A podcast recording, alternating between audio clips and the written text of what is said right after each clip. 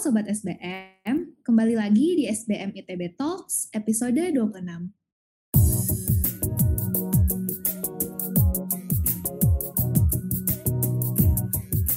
Kenalin, aku Maria Gracia dari Manajemen SBM ITB 2022 sebagai announcer di episode kali ini. Di episode kali ini, kita akan membahas tentang social mission dalam branding, khususnya di perusahaan multinasional Unilever. Teman-teman pasti tahu lah Unilever, sering banget produknya kita lihat dan kita pakai di kehidupan sehari-hari. Nah, narasumber kita kali ini adalah Kak Muhammad Rahadi Prasetya atau dipanggil Kak Adi, yaitu seorang manajer brand building dari Unilever. Kak Adi ini dulu mahasiswa MBA SBM ITB. Lalu setelah lulus, Kak Adi punya pengalaman beberapa tahun bekerja di bidang branding dan marketing. Halo Kak. Halo. Halo Maria. Sebelum kita mulai, kakak kan brand building manajernya dari Unilever nih. Aku mau tahu hmm. Kak, alasan apa yang bikin kakak tertarik bekerja di bidang marketing terutama branding. Oke, jadi mungkin dulu aku dulu S1-nya kan TI ya, teknik industri.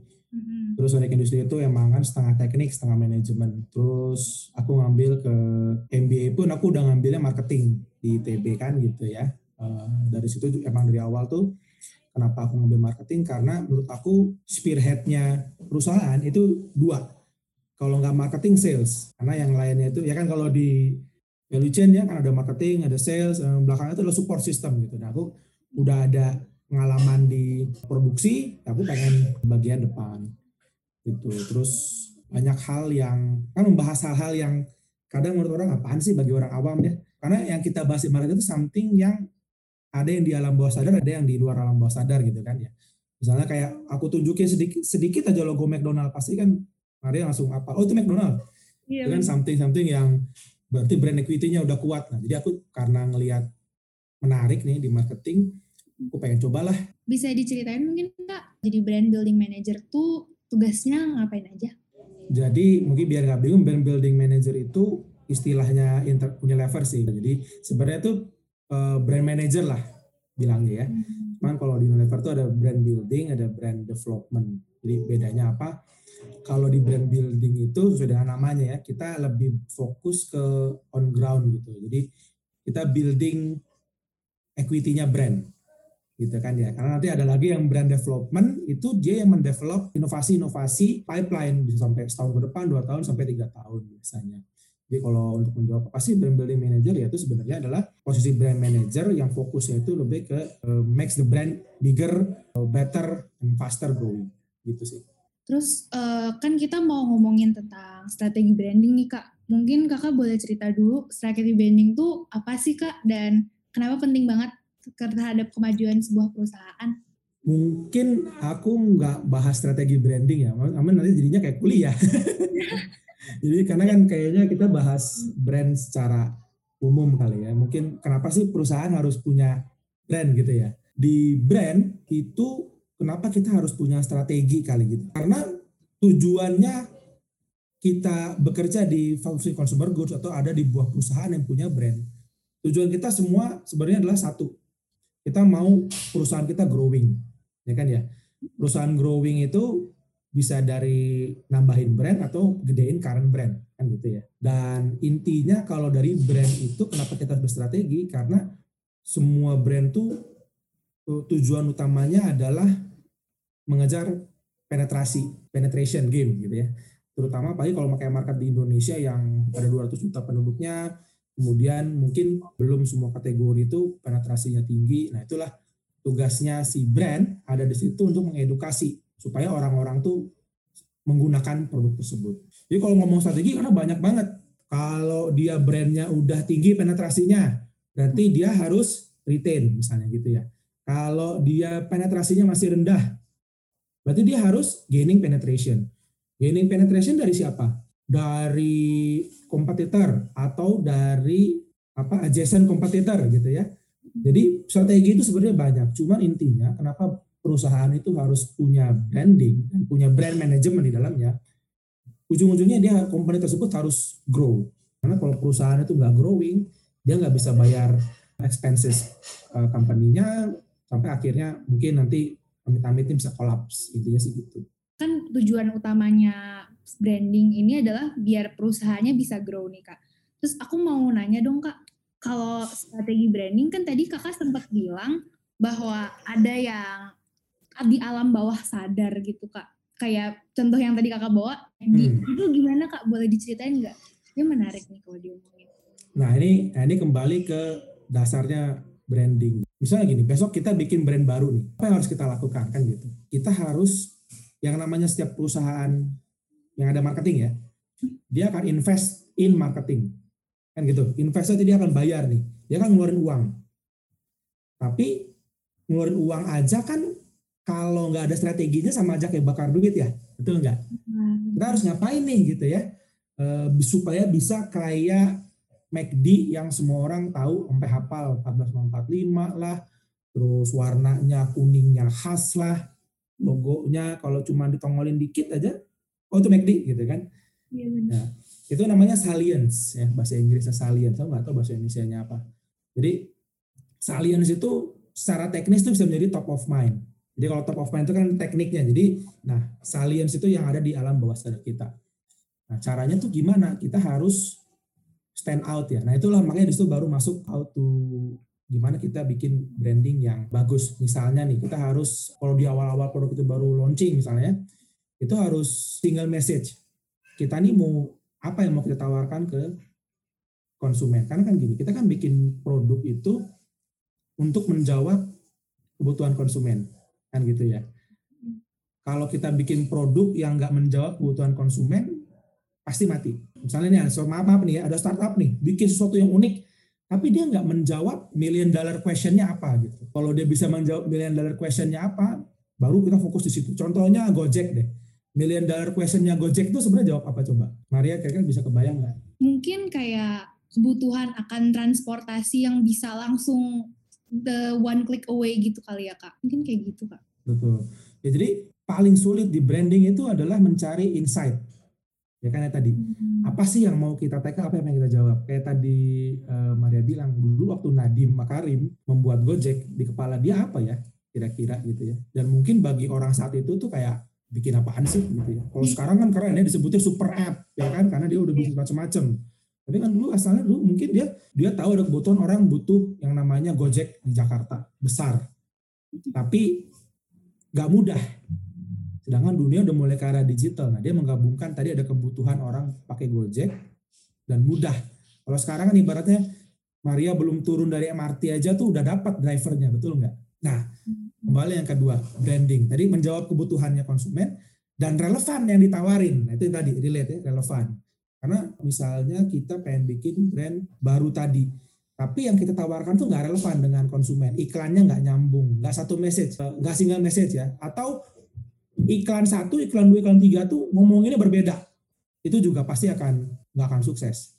Intinya kalau misalnya kamu lihat iklannya McD kan, kamu ngeliat dari jauh aja udah tahu, oh merahnya kayak gini, ada kuning, ini pasti iklannya McD. Atau dari jauh kamu ngeliat warnanya merahnya Coca-Cola, itu kan udah di trademark tuh. Karena dia bertahun-tahun menyampaikan hal yang sama dari segi iklannya, baik itu yang dia di cetak ya di TV semua sama tuh jadi nggak boleh tuh misalnya mau bikin brand terus logonya kamu ganti-ganti tahun sekali ah diupdate deh gitu ya. Terus tadinya warna biru jadi merah. Karena itu yang tadi masuk ke alam bawah sadar kita. Gitu kan. Orang mudah mengingat kita. Jadi begitu orang itu butuh dia langsung ingatnya aku akan pakai produk itu atau aku akan cari produk itu gitu. Intinya sih gitu. Menarik banget ya Kak prosesnya yang kayak orang mikirnya simple banget ternyata itu kayak cuma the tip of the iceberg aja kan orang ngeliatnya kan kayak McD eh McD tahu tahu tapi kamu nggak tahu bahwa selama ini tuh kamu McD itu udah nanamin ke kamu gitu ini tuh McD kamu kalau lapar ingat logo ini ingat warna ini gitu banyak hal lah uh, Coca-Cola terutama ya udah pasti banget dia udah brand yang paling mahal kan kalau misalnya diuangin tuh Coca-Cola ya karena dia bertahun-tahun dan logo itu tuh nggak ada saingannya lah gitu aku mau lanjut nih kak. Kan tadi ya. kak bilang penting bagi brand untuk melakukan salience yaitu top of mind dan harus stand out. Uh, aku masih bingung nih kak kalau misalkan sebuah brand mau menggunakan social mission buat stand out itu gimana ya kak? Social mission untuk stand out. Oke, jadi kalau kita hubungkan dengan social mission ya, di luaran sana itu kan ada banyak sekali brand, betul ya. Kalau tadi kan tahap pertama brand itu, ini aku mencoba menjawab nggak terlalu kayak kuliah ya. Jadi intinya ini yang paling gampang dipahami aja. Mungkin kalau secara kuliah tahapannya salah nih harusnya ini dulu, tapi ini aku secara yang gampang dipahami aja. Misalnya nih, Maria datang ke supermarket ya terus mau beli katakanlah pembersih piring. Setelah brand itu kan tadi sudah membombardir kita dengan berbagai message ya. Kita dibombardir dengan benefit ya. Tapi kan apakah itu cukup? Gitu kan ya. Apakah benefit saja cukup? Nah, kalau terutama di Unilever, kenapa ada social mission? Karena Unilever itu, ini spesifik untuk aku ngomong di Unilever ya, ada konsep yang namanya purpose. Di our purpose itu is to make sustainable living commonplace. Itu kan Unilever secara keseluruhan. Tapi within that purpose itu ada tiga hal yang menjadi pilarnya Unilever. People with purpose thrive. Ya enggak? Jadi kalau orang yang kerja di situ, kan kerja ini adalah kegiatan yang dilakukan bisa bosan ya, kebayang nggak sih? Kayak Maria kalau misalnya kuliah gitu, tapi kalau nggak ada purpose kan kayak mau ngapain sih? Di ujung-ujungnya aku kuliah ngapain sih? Nggak sudah purpose kan ya? Iya. Nah ini makanya kalau di Unilever juga kita ditanamkan itu apa pun yang dilakukan oleh kita sekecil apa pun itu pasti ada manfaatnya bagi society, company dan nanti bagi bagi negara itu jadi bagi Indonesia jadi untuk society Indonesia itu ada manfaatnya kita bekerja di Unilever. Yang kerja di sana akan merasa bangga. Makanya people will purpose thrive. Terus yang kedua adalah companies with purpose last. Artinya Unilever percaya bahwa kalau perusahaan ini punya purpose, dia akan bertahan lama gitu ya. Kayak Unilever itu di Indonesia dari tahun 1930. Dia belum merdeka aja dia udah ada di sini. Jadi ya balik ya berarti di dunia yang dunianya berarti udah udah berapa ratus tahun gitu ibaratnya gitu ya. Dan makanya Unilever bisa come up dia bilang kalau perusahaan yang punya purpose dia pasti akan bisa bertahan lama karena dia akan memberikan du jadi mereka bukan cuma jualan di situ mereka melakukan kebaikan apalagi sekarang aku kerja di Unilever ya Siapa yang nggak tahu Unilever? Itu kan ya. Unilever sendiri udah menjadi brand, betul nggak? Bener kak. Kalau orang dulu tahunya Sunlight, orang mungkin tahu Vixal, orang tahu uh, ratusan brand Unilever. Tapi begitu orang dengar Unilever, oh ya ya ya tahu tahu gitu ya. Dan yang terakhir pilarnya adalah brand with purpose grow. Ini yang tadi aku bilang ya. Dan supaya sub company ini grow itu gimana? Tentu saja company ini grow dengan menumbuhkan brand-brandnya. Nah kembali ke pertanyaannya Maria, ya, kenapa pakai ke sosial misalnya? Karena kita ini adalah purpose. Purpose itu kan harus ada kayak actionable. Ada sesuatu yang dilakuin. Bukan cuman kami melakukan terbaik untuk Indonesia. Apa? Jadi ada, kalau di Indonesia ada brand say, ada brand do. Jadi kita melakukan apa, terus do-nya apa nih yang dilakukan? Untuk menjawab purpose tadi. Misalnya kalau mungkin yang pernah dibaca atau ditonton, ada yang misalnya sunlight itu empowering women. Orang udah tahu sunlight, tapi orang kita pengen deep lagi ke emosionalnya konsumen. Bahwa orang yang make sunlight itu juga membantu empowering women. Makanya nanti di sunlight itu biasanya setiap tahun ada misalnya acara UMKM buat ibu-ibu. Atau Fixal, membersihkan 100 ribu masjid. Ini kan akan menyentuh emosionalnya konsumen bukan cuma kita pengen masuk konsumen tapi tadi ini adalah pengajuan sebenarnya. Ini adalah pengajuan tahan purpose-nya Unilever. Yang dilakukan dalam bentuk kelihatannya kalau di luar social mission. Tapi enggak karena kalau kalau kita lihat di sini itu udah lebih dari itu. Karena kalau CSR kan bisa macam-macam dong. Sumbangan aja gitu. Itu kan CSR sumbangan ke sini ini enggak. Kita kalau di Unilever setiap brand harus punya purpose. Setiap brand. Jadi nggak ada brand yang nggak ada purpose-nya dan mereka akan melakukan sesuatu untuk membuat uh, konsumen society menjadi ke arah yang lebih baik. Intinya sih gitu. Ya ampun, keren banget ya kak. Jadi kayak brand gak cuma exist, tapi juga membantu banyak orang gitu. Aku mau nanya lagi nih kak. Ya. Parameter suksesnya dari strategi branding yang menggunakan social mission itu apa kak? Apa ada parameter khusus atau parameternya dilihat dari kayak jumlah sales yang meningkat gitu kak atau gimana? To be honest, aku nggak tahu karena aku nggak di brand yang melakukan social mission ya. Karena aku kan di aku di brand building, tapi aku kan di Unilever profesional. Dan di Unilever profesional itu kita belum ada purpose yang kayak tadi gitu. Cuman yang aku tahu sih kalau dia melink antara social mission dengan sales itu nggak bisa direct gitu. Misalnya nih ya, kalau saya ngadain acara makan-makan gitu ya, terus berharap jualan saya meningkat, itu kan namanya ada ROI-nya gitu ya. Saya ngadain suatu acara, harapan itu saya jualan, itu ada, itu activity yang ROI.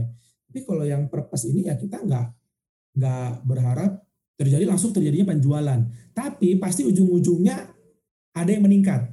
Misalnya gini, dengan kita membantu 100 ribu masjid, berarti kan akan membantu penetrasi, betul nggak? Mungkin masjid nggak masuk dalam Nielsen nih, tapi kan orang-orang yang ke masjid melihat, oh ada fiksalnya, oh dibantu fiksalnya, oh saya besok beli deh fiksal, gitu. Nah, jadi dia langsung. Jadi kalau dibilang ada KPI-nya langsung nggak? Saya nggak bisa jawab karena saya nggak di bagian situ.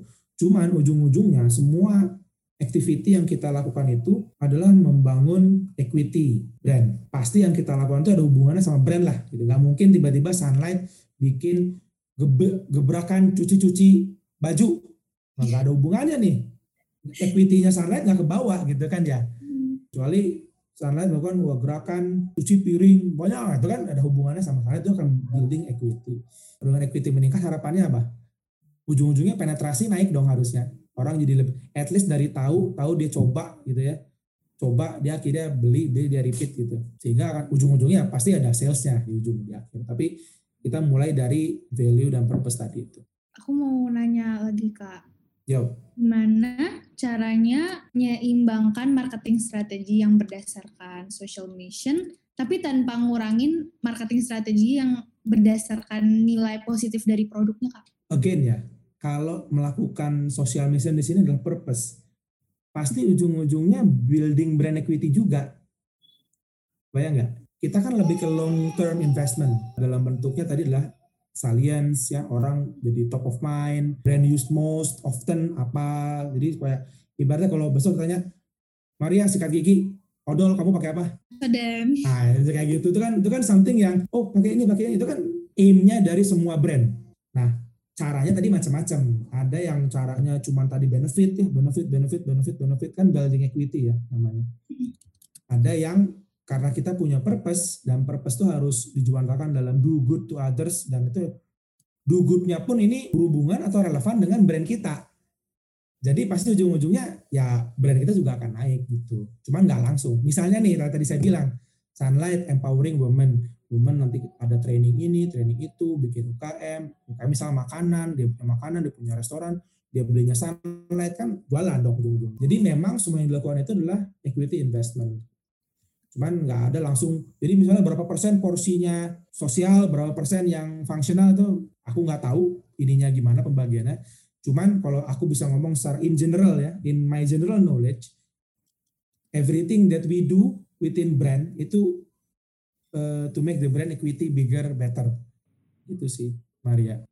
Kayaknya aku hari ini belajar banyak banget sih kak tentang brand equity terus kayak gimana sebuah perusahaan benar-benar ngebangun brandnya dari purpose yang mereka miliki, terus kayak dari action-action yang mereka lakuin juga. Mungkin ini pertanyaan terakhir sih ya kak. Aku mau nanya hmm. dong kak, ini pesan-pesan ke teman-teman semua, sobat yang dengerin, yang pengen bekerja di ranah yang sama kayak kakak. Oke, kalau kerja, ini beda lagi nih. Karena kalau kerja jadi gini, ekspektasinya apa nih kalau pengen kerja di marketing gitu ya? Pengen bikin iklan, udah ada agensi yang bikin iklan. Pengennya ke arah mana nih di brand? Karena pengalaman aku ya, di dua perusahaan berbeda, itu semua sama. Yang namanya brand manager itu adalah he or she is the one that owning the brand. Jadi jadi sebagai brand manager itu tuh bukan cuma ngurusin iklan, ngurusin campaign besok apa, ngurusin besok mau bikin produk barunya apa. Tapi kita ngeliat juga bisnis. Karena tadi kan ujung-ujungnya harus grow. Kalau ngomongin grow kan pasti numbers ya. Jadi brand manager juga itu memegang bisnis. Nah, makanya kalau menjadi seorang brand manager, mindsetnya itu harus menjadi, juga menjadi seorang business manager. Dia juga harus paham di sales, dia harus paham how things work di lapangan, gitu kan ya jadi memang kalau mau masuk ke dunia ini ya harus suka dengan managing bisnis. Gitu.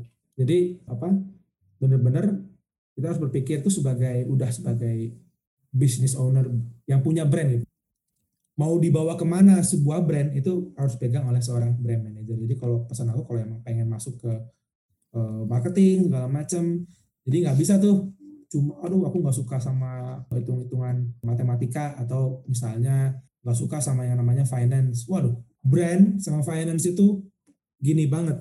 Nih, saya lebih gini banget. Lebih ikat, lebih dekat dibanding sales malah. Begitu kamu masuk ke brand, kamu harus menjaga yang namanya profit and loss sebuah brand. Saya terima jual berapa, saya produksinya berapa, saya punya cost apa aja, saya punya pengeluaran marketing berapa, profitnya di bawah itu saya berapa. Itu di manage juga oleh seorang brand manager. Gitu. Karena ujung-ujungnya you are business owner dari brand tersebut. Ya itu tadi, secara keseluruhan sih kalau mau masuk ke brand, eh, bukan cuma dari sisi kreatif, karena tuh biasanya sekarang even kreatif itu ya kita udah punya tim kreatif sendiri. Agency kan, agency kan memang udah isinya think tanknya di situ Uh, jadi seorang brand manager lebih ke arah strategi tadi. Mau dibawa ke mana nih brandnya, evolusinya mau ke mana. Karena kayak misalnya Sunlight ya, dulunya Sunlight itu apa coba? Sabun mandi. Dulu pertama kalinya sabun mandi. Tapi berevolusi, berevolusi sampai sekarang di sini cuma sabun piring. Tapi kalau di luar negeri mungkin ada yang lain-lain. Kurang lebih gitu sih, Maria semoga membantu. Membantu banget kak. Aku kira tuh brand manager malah lebih kayak yang ngatur branding sama marketing gitu kak. Aku mikirnya kayak wah ini jauh banget dari finance. Ternyata enggak, ternyata malah lebih deket ke finance daripada. Betul. Jadi maksudnya di kebanyakan FMCG di Indonesia biasanya kan masalah produksi. Kamu ada produk baru gitu ya, produksinya bermasalah, ya kamu yang harus own. Udah produksinya keluar di toko di toko ada masalah, kamu yang harus own kamu yang harus tahu duluan, kamu harus bantu solve. Sudah dicoko, sudah dijual, ada masalah di profitability karena kemarin misalnya harga produksinya nggak tepat. Itu juga harus kamu gitu. Jadi emang benar-benar bukan cuma intangible tadi ya, bikin iklan segala macam, capacity production itu semua adalah pekerjaan seorang brand manager. Menarik kan?